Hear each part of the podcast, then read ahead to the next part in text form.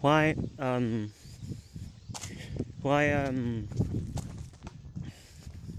so the rush of adrenaline in the body when whenever you have that rock and roll experience um, that's physical that's the physical that's the that's the part of spirituality that happens in the body and that and and the single reason why rock and roll was the most liberating and it helped awaken more people.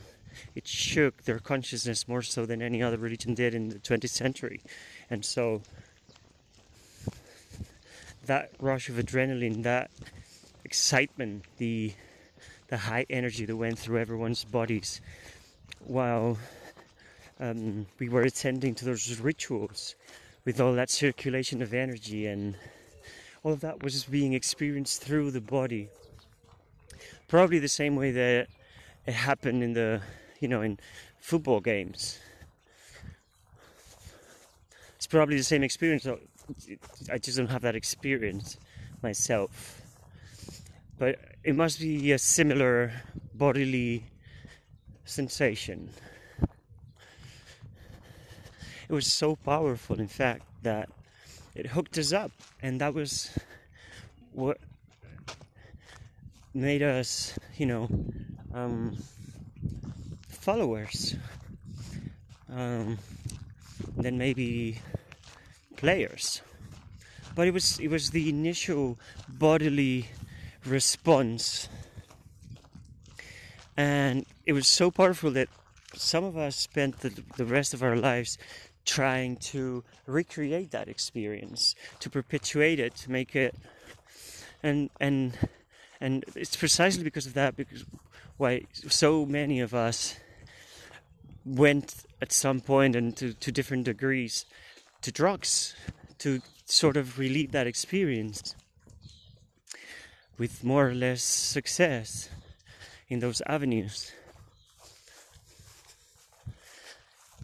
But that what if there was another experience of aliveness? It's that aliveness that we're chasing. What if there was another experience of aliveness that that was healthy for the body and was way more just as intense and and healthy and regenerative and and the real thing you know like the way to sustain that the real thing is through meditation and Russell Brand is my man here. The bigger the ego identification, the bigger the suffering. The bigger the suffering, the higher the chances for, for presence. Because those are reminders, those experiences of identification, of, of pain, of suffering. Those are the best reminders. The deeper in depression, the deeper in suffering, the easier, or at least the more chances you have to get out. not liberated by any means. I'm not a guru, I'm not an enlightened being at all. I still struggle with these things every day. And for periods of time, I still feel miserable and can't even leave my bed but I know there's a way out, and I've experienced it, and I've been out, and then unknowingly back in because this the shadow of this energy of this state of being is very very quiet very it makes no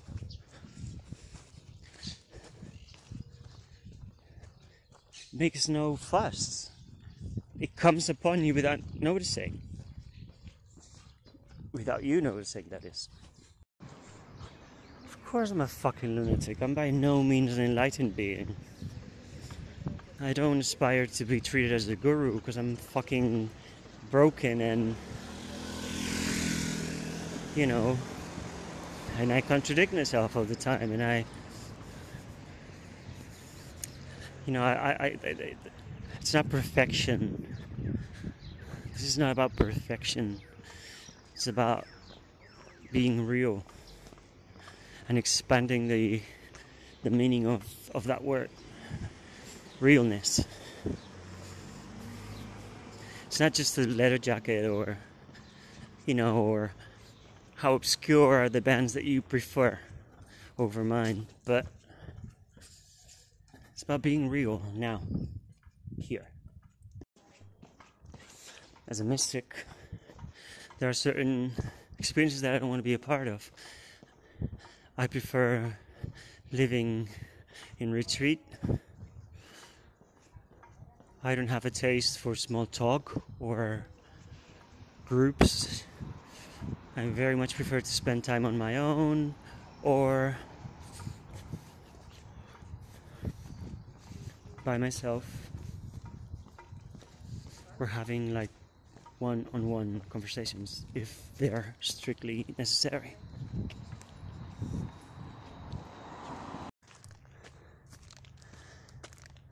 Fear of Clay tiene que incluir un homenaje a Dover en el apartado de, del pop sagrado y, y el componente místico.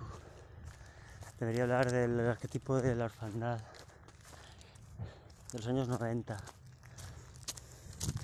Y y cómo Dover fue un gran catalizador, porque son mi grupo favorito por algo, porque ejemplifican mejor que cualquier otro grupo, eh, digamos, el, los pies de barro de, del rock and roll, porque primero les colocaron el y se colocaron ellos también. O sea, no sabían que estaban siendo portadores de un arquetipo. Cuando uno es el, el estandarte de un arquetipo, luego cuando de repente, porque se ha agotado su relación con su relación más fructífera, más fértil con ese arquetipo, de repente decide cambiar, como ellos hicieron, varias veces además, no solo en Follow the City Lights, sino en el nu metal, en el stoner rock, en el, rollo garajero, y obviamente en, el, la música electrónica y en la música africana, el público no supo no supo acompañar a, a Dover en, esas, en ese cambio de, de pieles, ¿no? de, de, mudas, de crecer, que es en lo que estamos todos.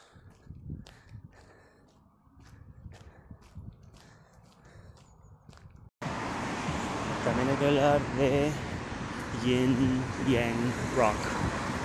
Y como mis grupos favoritos siempre han, han realizado estudios de dinámica. Cómo conviven eh, el yin y el yang dentro de el, espectro sónico de, de, la música. Y, y, y, cómo se puede explorar eso hasta qué límites se puede llevar eh, cómo conjugan, cómo, cómo articulan un universo propio a través de reconciliar extremos. Y,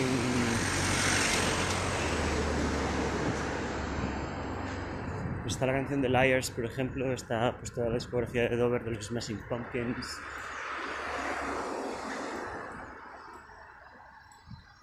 En mis canciones, claro. O sea, songwriting y production y todas esas cosas se pueden poner al servicio de, de la exploración de los límites. Es curioso que los eh, creadores más... Um, no sé cómo decirlo. Los creadores más... O sea, con un perfil personal más... menos convencional, más loco, más... Eh, pues más rollo Billy Corgan, Cristina Llanos, tal. Reflejan eso en su, en su música, ¿no? Como reflejan lo personal en, en su trabajo. Faith is a state of being, but it can also be located somewhere in your body, actually, in your gut. Faith tells me, it makes me feel that everything is absolutely fine. It feels better than patience and trust, because you trust and you practice patience with your mind, using the idea instead of the feeling that things are good. The feeling is that they aren't. Ever since I found that feeling, ever since I had that experience, thanks to learning how to meditate with Eckhart Tolle, I've been able to retrieve that in times of need, in times of feeling lost and hopeless and faithless. It was also thanks to Kari Honey that I learned that I could always rely on the Northern Star. I could always rely on a guiding light in the middle of the storm. She gave me the courage to push through incredible sadness and loss and grief when I separated from Carlos two years ago. But the reason why the reason why this faith feeling caught on and stayed is because it works. Because it's almost like muscle memory. It's it's a it's a memory, but it's also in your body, and so.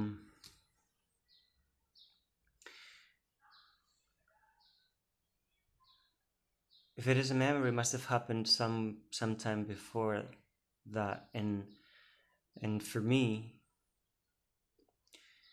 the earliest memories of of peace, of faith, had to do with music and with dancing and with connecting to that joyful state of being that I accessed, that I entered with music and with singing.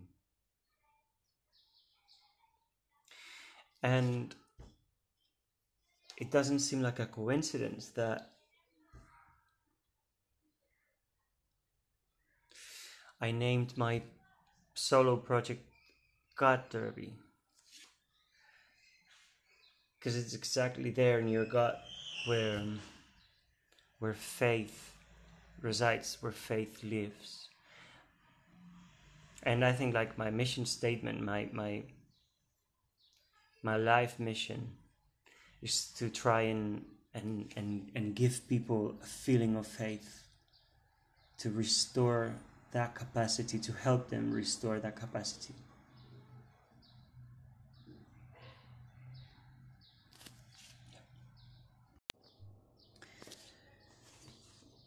Faith is a state of being, but it can also be located somewhere in your body, actually, in your gut.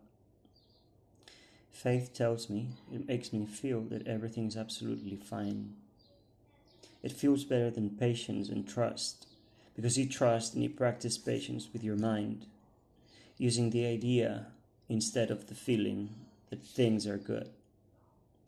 The feeling is that they aren't.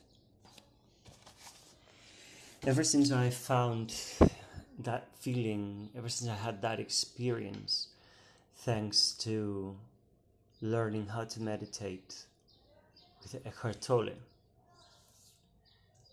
I've been able to retrieve that in times of need, in times of feeling lost and hopeless and faithless.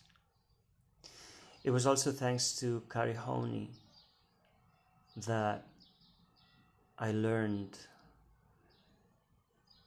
that I could always rely on the Northern Star. I could always rely on a guiding light in the middle of the storm.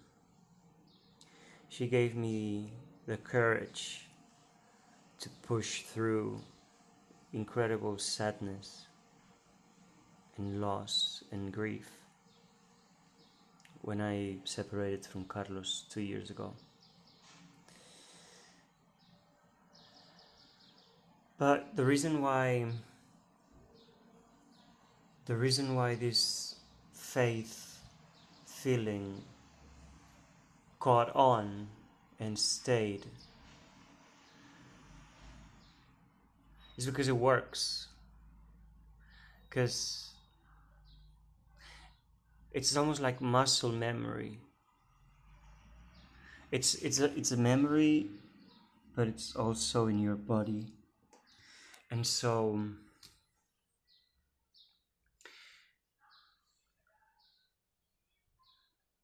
If it is a memory, it must have happened some sometime before that, and and for me, the earliest memories of of peace, of faith, had to do with music and with dancing and with connecting to that joyful state of being that I accessed, that I entered with music and with singing. And it doesn't seem like a coincidence that I named my solo project God Derby because it's exactly there in your gut where um, where faith resides, where faith lives. And I think like my mission statement, my my my life mission is to try and and and, and give people a feeling of faith to restore that capacity to help them restore that capacity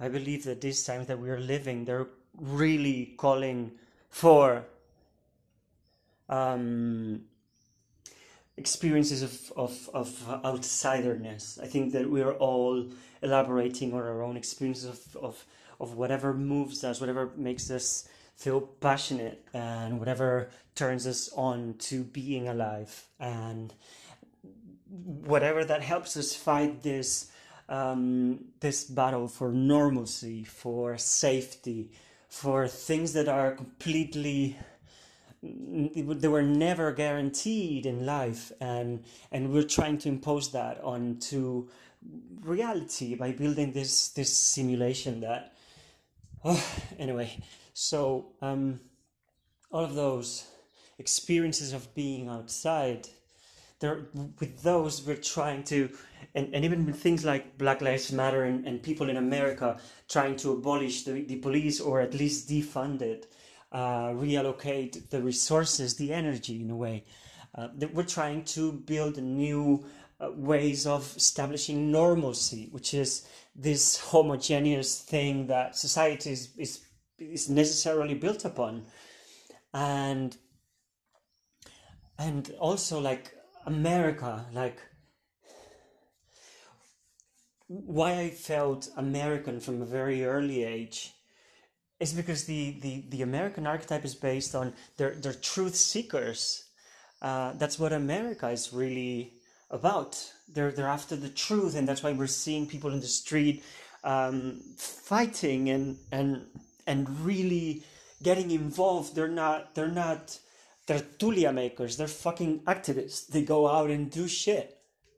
And that's what, that, that faith uh, they're not cynical like uh, like like people in Spain. I that's why I never felt Spanish because we're because they're cynical. They they do not really believe in in in life, and that's why I could never completely relate to them